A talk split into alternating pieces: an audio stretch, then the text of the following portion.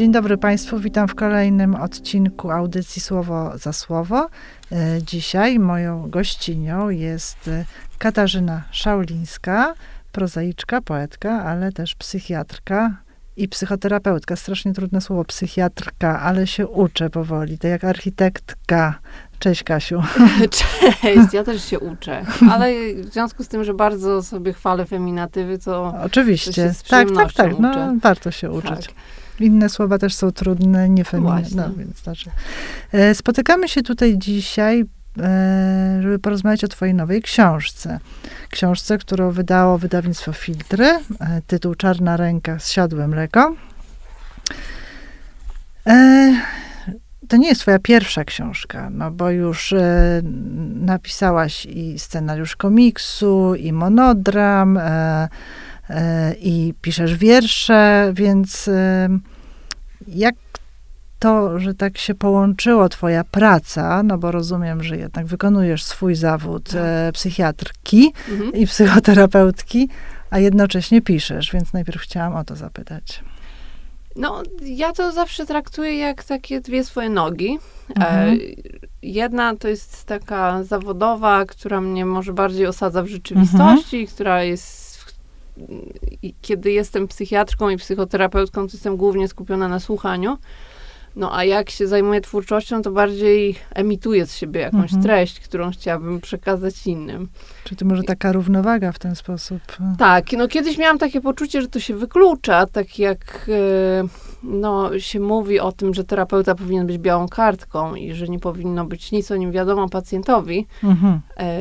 Żeby może ta terapia lepiej szła, ale mam wrażenie, że w dzisiejszych czasach to jest bardzo trudne, żeby utrzymać pełną neutralność. A poza tym to też nawet nasze buty coś o nas mówią. Jasne. E, twoja książka, którą e, teraz wydałaś, to zbiór opowiadań. I tak naprawdę te opowiadania też wiążą się z Twoją pracą, bo um, one są podzielone na y, trzy części, ale właściwie no tak trudno, bo jest, ja tutaj czuję, że tutaj jest dużo ciebie, ale może się mylę, zaraz też o tym porozmawiamy, no mm. zwłaszcza w ostatnim opowiadaniu, które jest dla mnie takim, sobie tak wyobraziłam, że to jest twoje jakieś autobiograficzne takie opowiadanie, ale to też do tego dojdziemy. Mm, natomiast jak czytałam twoją książkę, to no, wciągałam się z każdym opowiadaniem kolejnym, ale w pewnym momencie musiałam przestać i odłożyć książkę, dlatego, bo twoje opowiadania bardzo wciągają, ale tak mnie wciągają w świat, który opisujesz, a opisujesz e, w tej takiej tej środkowej, największej części, to są takie opowiadania, które można by nazwać w cudzysłowie surrealistyczne trochę, choć do końca już też nie wiedziałam, że są surrealistyczne, bo opowiadasz e, z punktu widzenia pacjentów, osób, którym, które mają, nie wiem jak to nazwać, żeby było elegancko, ale no jakieś takie nietypowe, mm, odkrywają w sobie albo nietypowe właściwości jakieś, albo zachowania. No księdzu rosną kwiaty na, e, e, na jego przyrodzeniu, a e, ro, kobieta rodzi dziecko, którego nie widzi i wszyscy widzą to niemowlę, ona jedyna nie widzi tego dziecka. I, e, tak jak e, chłopiec, który rodzi się z czarną ręką. E, I są to opowiadania, które no, tak poruszają bardzo i tak nie wiem, czy tak sprawdzasz granice czytelnika, czy granice naszych możliwości, czy my tacy jesteśmy, czy to są opowiadania surrealistyczne, o czym są te twoje opowiadania, jak ty byś tak miała powiedzieć? E, jaki jest twój przekaz? No, mam wrażenie, że to wszystko się zgadza. Miałam mhm. mam ochotę też zapytać, gdzie musiałaś przerwać, gdzie, gdzie poczułaś, że potrzebujesz Tak, to było, to było w opowiadaniu o księdzu. Okay. Już w momencie, kiedy go tam zakopywano pod ziemię i mhm. tak, że no, to była cała taka terapeutyczna grupa wsparcia, żeby, żeby z tymi kwiatami sobie poradzić, no bo mm, tak, żeby przybliżyć słuchaczom, to jest tak, że, e, że to, co jest świetne w tym, że jak ktoś, na przykład jak ten ksiądz, który odkrywa ten kwiat, gdzieś usłyszy, że on nie jest jedyny. Jest cała grupa mężczyzn, którzy mają ten sam kłopot, to samo zjawisko, e, tego samego zjawiska doświadczają, więc e, odkrywa, że on nie jest jakiś taki strasznie dziwny, bo, bo jest, są tacy też, więc to się zastanawiałam, że to właśnie chcesz może pokazać, że jeżeli mm, ktoś się z czymś boryka, to wcale nie jest jedyny na świecie. Nie wiem, czy to też było takie przesłanie. Tak, tak. I też jak pytałaś mnie, o czym ogólnie są te opowiadania, to myślę, że one są o doświadczeniu inności Mhm. i o szukaniu e, więzi e, z innymi ludźmi, która uwzględnia to doświadczenie inności. Mhm. E, I dlatego też ci bohaterowie, jedni mają może bardziej realistyczne dolegliwości, inni mniej. Natomiast oni wszyscy na takim głębszym poziomie się borykają z tym, na ile ich ta inność dystansuje od świata, a na ile oni są w stanie, mimo jej, e, wyciągnąć rękę do innych osób i znaleźć właśnie takich podobnych sobie. No właśnie. A ale z, mm, te osoby oczywiście odnajdują swoich sojuszników, sprzymierzeńców podobnych do siebie, ale ciągle mimo wszystko zostają w tej grupie innych, e, mam wrażenie, bo e, łatwiej sobie oczywiście w związku z tym radzą ze światem zewnętrznym, tym takim e, codziennym i, i często niektórym nawet udaje się, tak jak kobiecie, która młodej matce, która rodzi dziecko i go nie widzi. Potem się okazuje, że, że nie jest jedyna i że jest przedziwny sposób, żeby zacząć widzieć to dziecko, czyli żeby wyładowywać swoje emocje, bijąc się z innymi kobietami. E, jest fantastyczny w ogóle pomysł. Od razu pomyślałam, że no, takie doświadczenie mogłabym mieć. E, to bardzo, bardzo ciekawe, ale... Y, ale one jednak pozostają w swoim świecie i gdzieś przez swoją inność też taką mm, tworzą y, no taki tajemny krąg, ale taki krąg też uprzywilejowany w związku z tym gdzieś. Nie wiem, czy miałaś takie wrażenie, e, znaczy, czy też tak, tak to odczuwałaś, żeby jakby je, je pokazać, te inne osoby, że, że one też e, są na równi, albo czasem nawet przez swoją tajemnicę gdzieś wyżej.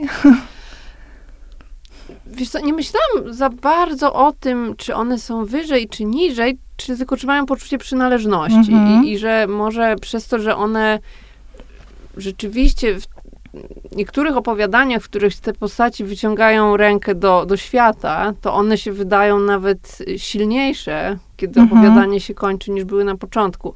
No ja chciałam też pokazać taką e, drogę, jaką pokazuje ten objaw, na przykład pod postacią tego, że się nie widzi dziecka, czy że się ma czarną rękę, e, jaka wiedzie ku głębszemu samopoznaniu. No, Mhm. to trochę może jakoś mi przypomina moje doświadczenie rozmawiania z pacjentami, którzy mają depresję. Mhm. No i na początku się tę depresję traktuje jako takiego wroga, którego musimy pokonać. Ja jako psychiatrka albo psychoterapeuta, jeszcze inna osoba, która się zajmuje albo lekami, albo psychoterapią. No a z biegiem czasu dochodzi się do takiego poczucia, że, e, no, że ta depresja jest czymś, co w bardzo nieprzyjemny sposób, ale pokazuje jakąś prawdę o tej osobie, która pokazuje jakieś bolesne punkty, które po prostu domagały się zagojenia. I tak jak ta kobieta, która nie widzi swojego dziecka w trakcie swojej drogi Mhm. ku zobaczeniu go, ona widzi też lepiej samą siebie. No Tak, I orientuje się, że żyła właściwie dosyć takim fikcyjnym życiem i że potrzebuje zmiany. zmiany. Tak, no właśnie. I mm, no właśnie, czy w takim razie y, to potwierdza, że to jednak jest e, inspiracją do tych opowiadań, jest m, twoja praca, tylko rozumiem, że tworzysz dość surrealistyczne przypadki, żeby może e, podkreślić jeszcze to, że dookoła nas są inni i może trzeba ich zauważyć nie tylko jak im urośnie kwiat gdzieś, czy, czy, czy będą mieć czarną rękę, no bo to już jest bardzo e, takie, no tak, tak bardzo charakterystyczne i widoczne, że ma, tak jak zresztą chłopiec, e, chłopak, mężczyzna później z, z czarną ręką spotyka kobietę z żółtą nogą z kolei i, i tworzą też em, parę, wspierając się wzajemnie, ale już szczegółów nie będę bo to bardzo skomplikowana relacja też. E, Czy, czy jakoś sprawdzasz nasze granice też na akceptowanie tej inności, bo może też jak się, tak jak potem pomyślałam o tym, że jak odłożyłam tę książkę w pewnym momencie i potem wróciłam do niej, że, że już nie mogłam, że już po prostu e, oglądałam się dookoła, e, czy ja jestem jedną z takich osób, które opisujesz, czy ja mam kontakt na co dzień tylko z innymi, no e, gdzie jest ta granica wytrzymałości też człowieka? Mm. E, no, bardzo się cieszę, że to miało na ciebie aż taki duży wpływ i, że, i że tak cię ona poruszyła. Tak. E, I tak, ja, ja właściwie też, e, tak jak mnie pytałaś, na ile to jest autobiograficzne, Mhm. to, to też jest... E,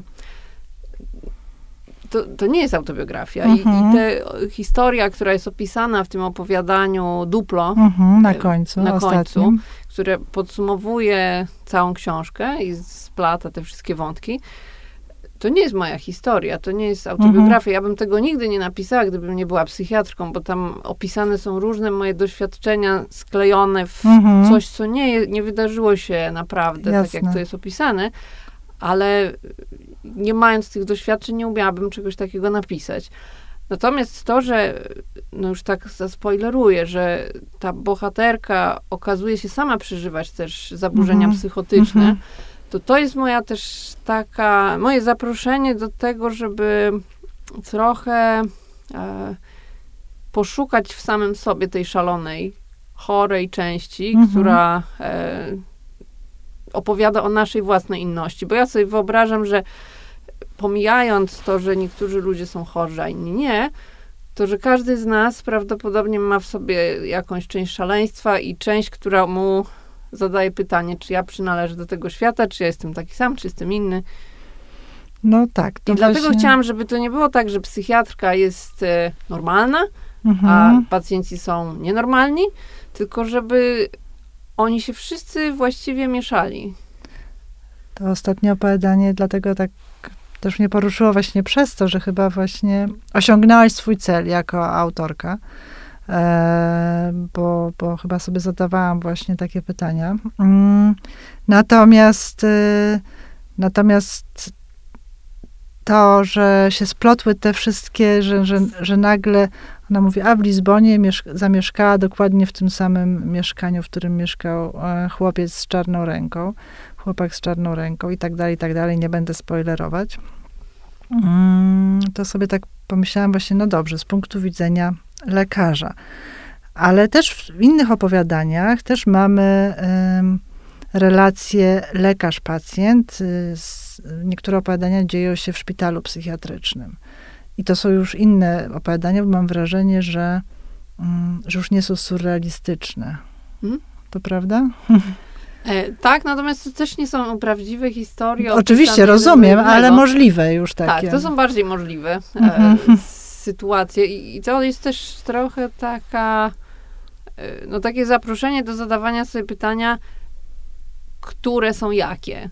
Mhm.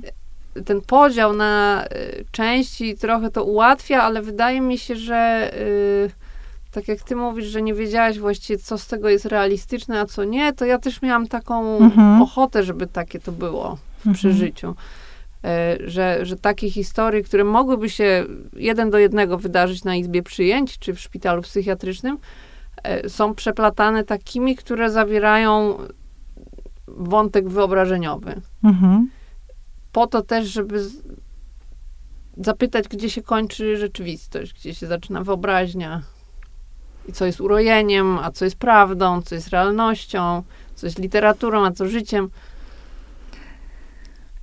Każdy chyba sobie musi też odpowiedzieć na to pytanie, ale e, a propos tej rzeczywistości, bo w jednym, nawet w dwóch opowiadaniach mam wrażenie, że psychiatrka jest taką osobą, mm, która tak trochę ma dosyć tych pacjentów. I, e, I też sobie tak pomyślałam, że czy się nie bałaś takiego ruchu, no jako sama wykonując ten zawód, że, że jakby tak obnażasz to, że, że, że lekarz może nie słuchać, co pacjent do niego mówi, jak w opowiadaniu, kiedy e, e, na końcu przychodzi pani do, na izbę przyjęć, starsza pani opowiada mm, swoją opowieść z dawien dawna, prawdziwą bądź nieprawdziwą, jakąś traumatyczną, a lekarka no, jest bardziej zaabsorbowana tym, że właśnie wybuchła wojna w Ukrainie. Zresztą no, bardzo takie wszystko na bieżąco jest też w tej, tej książce.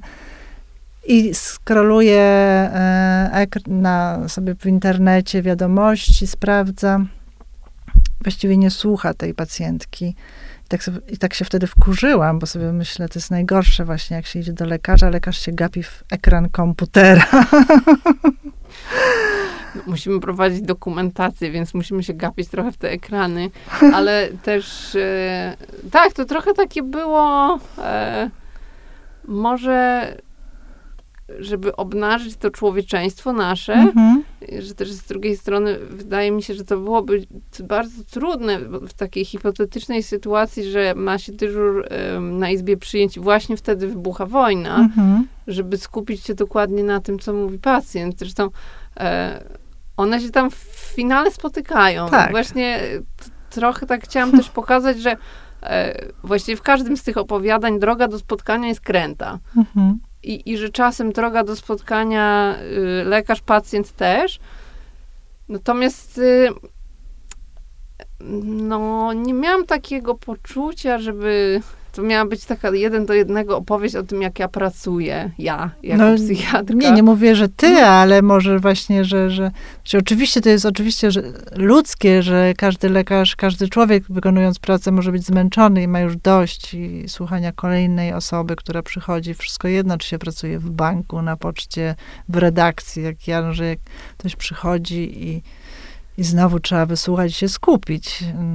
Choć oczywiście lekarz, no to jest taka osoba, no, której bardzo ufamy z założenia, mm. prawda? No ale e, tak jak tak, w, pier- no. w, pierwszej, w pierwszym, tam w początkowym, to nie pamiętam, że to było pierwsze opowiadanie, też jest taka historia, prawda, że, że, że, że jednak już e, lekarz tak, no jest no zdecydowany, ale tak mało empatyczny, a może to wcale nie chodzi o tę empatię w tym zawodzie, nie wiem. No, wydaje mi się, że, że chodzi o empatię i że mhm. e, też ja chciałam pokazać, właściwie też może zadać takie pytanie, mhm. E, co wy na to, że ta psychiatrka nie słucha, co wy na to, że ta psychiatrka ma objawy psychotyczne, mhm. czy ona jest wystarczająco dobra, czy nie, mhm. e, czy ta postać mogłaby komuś pomóc mhm. I, I, czy może, mając doświadczenie też własnego szaleństwa. E, może wie coś o tym więcej. Mhm. No ona też jest w związku z kobietą. Tak. Więc e, też chciałam pokazać postać, która ma e, może jeszcze trudniej i która ma to doświadczenie inności płynące z różnych źródeł. Też to zauważyłam.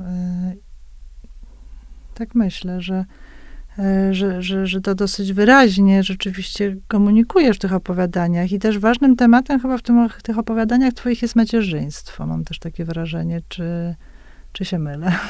Nie, nie mylisz się absolutnie. Ja y, pisałam część tych opowiadań całkiem niedawno, mając takie bardzo świeże doświadczenie macierzyństwa. Ja mam dwójkę małych dzieci. I, I to był taki temat, który mnie też samą bardzo wypełniał a też wydawał mi się bardzo pasować też do tego tomu, który jest o przenikaniu się życia i śmierci. I to macierzyństwo, ciąża, takie wchodzenie w rolę mamy, wydawało mi się bardzo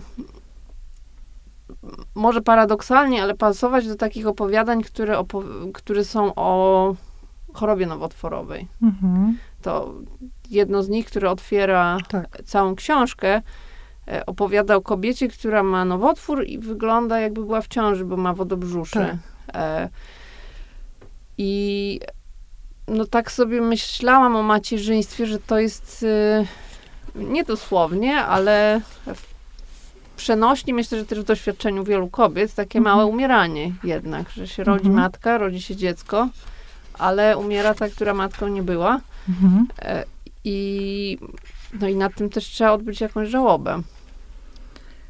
E, no właśnie, nawet w, zauważyłam, że mm, do tego macierzyństwa też jakby przyznajesz się e, swojego poczucia też w czasie mm, tych pierwszych doświadczeń macierzyństwa przyznajesz się w podziękowaniach, e, bo napisałeś, że e, dzięki wam rozwijało się moje poczucie, że macierzyństwo unicestwiło mnie jako pisarkę, więc też, e, że, że już macierzyństwo wyklucza no i praca, i jeszcze pisanie, jak to wszystko, że, że potrafiłaś znaleźć tę lukę.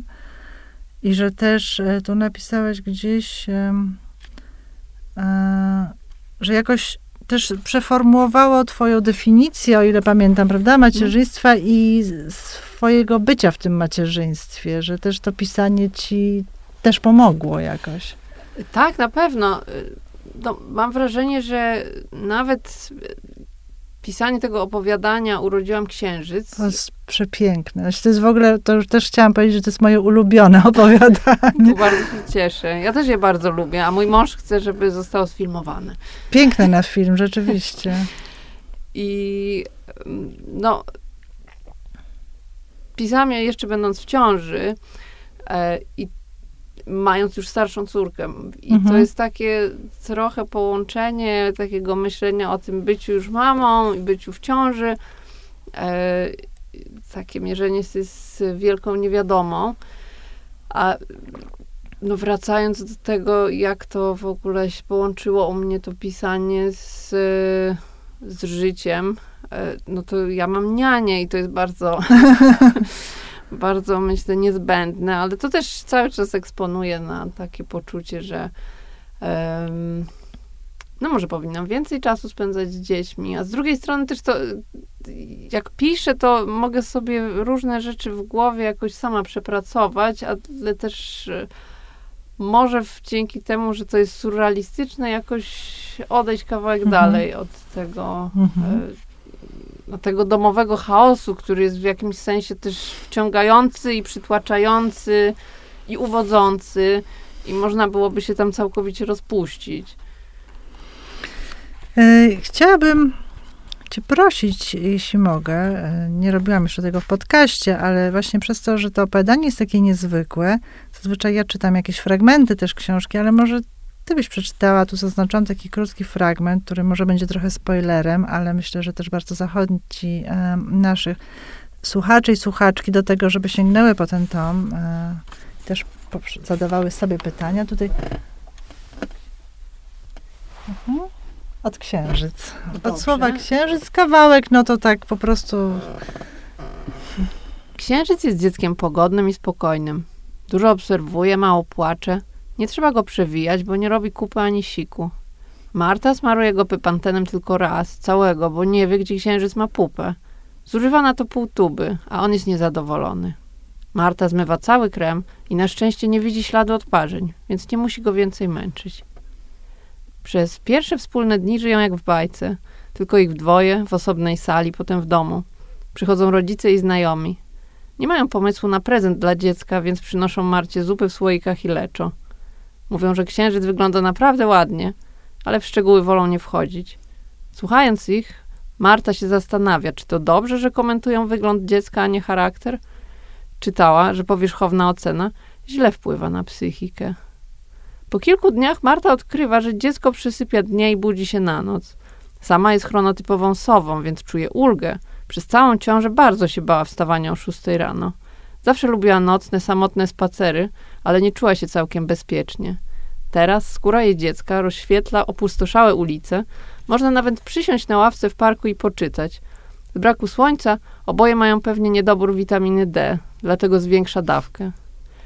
Karmienie księżyca piersią pozostaje dla niej krępujące. Stara się to robić w domu, przed spacerem i potem. Podobnie krępuje ją, gdy przechodnie zaglądają do wózka. Ale noc jest względnie łagodna dla lęków Marty. Przechodniów niewielu, w dodatku większość nietrzeźwa. Ale pucuś, komentuje dzielnicowy pijaczek, któremu Marta czasami kupuje zimą bułki. Marta ma świadomość, że chociaż dla niej piękne, jej dziecko różni się od innych. Przypomina sobie swój dyskomfort na widok rodziców pchających w wózkach duże, nieruchome dzieci, które wydają pełne bólu jęki. Nie wie, czy księżyc jest bardziej czy mniej niezwykły i niepokoi ją, że każdy może mieć swoje zdanie na ten temat. Lekarze mówią, że jest zdrowy i ona myśli tak samo. Dziękuję, Dziękuję. Ci bardzo. No, y, przepiękne jest to opowiadanie i myślę, że twój mąż ma rację, że mogłoby być sfilmowane. Y, bardzo pobudza wyobraźnię i no, wzrusza też bardzo. To jest y, no, wielowarstwowo, wielowarstwowo. Nie wiem w ogóle, jak się wpada na takie pomysły. to jest też dla mnie ciekawe. Ja chyba do końca tego nie umiem wytłumaczyć. Ale rzeczywiście mm, fantastyczny pomysł i aż zazdroszczę. E, jak powiedz mi jeszcze, mm, mm, zanim dobiegniemy końca, e, to chciałam zapytać się o e, nie tyle księżyc, ale w ogóle właśnie o twój sposób pisania, bo, bo te, każde z tych opowiadań właściwie można by rozwinąć w powieść. To są takie y, książki, że po zakończeniu tego opowiadania bym chciała więcej. Y, tak jak z Księżycem mogłabym czytać dalej. No, mm. y, kończy się w dość dramatycznym momencie, y, ale dobrze się kończy. Natomiast no, w ogóle twoje opowiadania się tak dobrze kończą, można powiedzieć, tak w cudzysłowie, jeśli tak, takie określenie jest w ogóle dobre, ale nie miałaś pomysłu, żeby któryś wątek pociągnąć dalej? Właściwie tak naprawdę to nie. E, mhm. miałam takie poczucie, że, że one są zamkniętymi całościami. Kiedyś zaczęłam pisać coś dłuższego. E, kiedyś w ogóle napisałam całą powieść, której nie chciał żadne wydawnictwo. Więc za mną jest długa droga. E, nie, myślę, że kiedyś może uda mi się napisać powieść, ale myślę, że ona będzie jeszcze o czymś innym. Chodzi mi po głowie trochę pomysłów, ale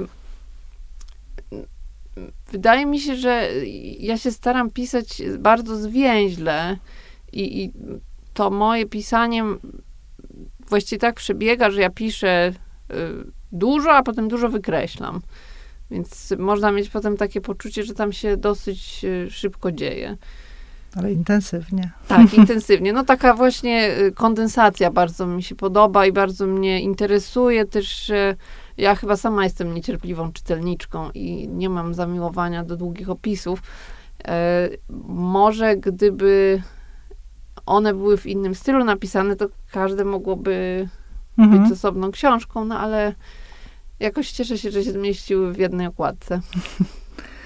No, też się cieszę i myślę, że czytelnicy też to docenią, bo, e, bo mają bardzo wiele ciekawych historii i pobudzających wyobraźnię. Mm, w jednym tomie. E, na koniec chciałabym się ciebie zapytać już tradycyjnie, mm, jaką ty byś książkę poleciła, którą może czytasz albo czytałaś niedawno naszym słuchaczkom i słuchaczom? No, ja e, czytam teraz e, książkę, która jest wydana przez biuro literackie. To są, wy, to są wywiady z Nickiem Cave'em, mhm. znanym muzykiem, którego ja akurat nigdy nie słuchałam zbyt namiętnie. Natomiast ten wywiad rzeka jest na tyle interesujący, że się wciągam i zaczynam go też słuchać. No, dużo tam oprócz tego, że dużo miejsca jest poświęcone, oprócz tego, że jego twórczości, mhm. to też doświadczenia utraty dziecka, bo on e, stracił dwóch synów w wyniku tragicznych wypadków. No i w związku z tym, że dla mnie to jest, myślę, że dla chyba każdej osoby, która ma dzieci, jakaś taka e, mm, największa wyobrażona trauma, to to jest dla mnie bardzo ciekawe też zobaczyć, jak artysta przepracowuje ten temat w swojej e, twórczości, jak też to doświadczenie jego zmienia jako człowieka. Bardzo ciekawe i polecam. Również osobom, które nie słuchają Nika Cave'a, jak ja, można się wciągnąć. A ja chciałabym jeszcze na koniec też Państwu polecić książkę jedną, którą e, właśnie e, wydaliśmy w wydawnictwie Osnowa, którego mam przyjemność być redaktorką naczelną. To jest e, książka Klary Tornwal zatytułowana Autystki o kobietach w spektrum. E, I myślę, Kasiu, że ciebie też zainteresuje, więc też ci polecam. To jest książka napisana przez kobietę, która zdecydowała się opisać swoje doświadczenie, gdy w wieku 42 lat dostała, otrzymała diagnozę e, autyzmu i e, spektrum i postanowiła się podzielić. Ale to nie jest tylko książka opisująca jej własne doświadczenie, bo ona szuka, tak jak ty w swoich opowiadaniach starasz się, żeby te inne e, osoby odnajdywały tych innych, tak ona też szuka na przestrzeni wieków kobiet, które e, prawdopodobnie, gdyby już wcześniej można było diagnozować, miałyby spektrum, ale również, z, ale również spotyka się z kobietami i wyszukuje kobiety e, mniej lub bardziej znane, e, które też e, mają tę samą diagnozę i no jest bardzo ciekawym, ciekawym takim świadectwem, więc też bardzo Państwu polecam. O, ja też bardzo chętnie przeczytam, to brzmi fantastycznie. Dziękuję Ci bardzo. Dziękuję. Cieszę się, że się zgodziłaś na rozmowę. No, było bardzo miło z Tobą rozmawiać. Dziękuję naszym słuchaczom. Do usłyszenia. Do widzenia.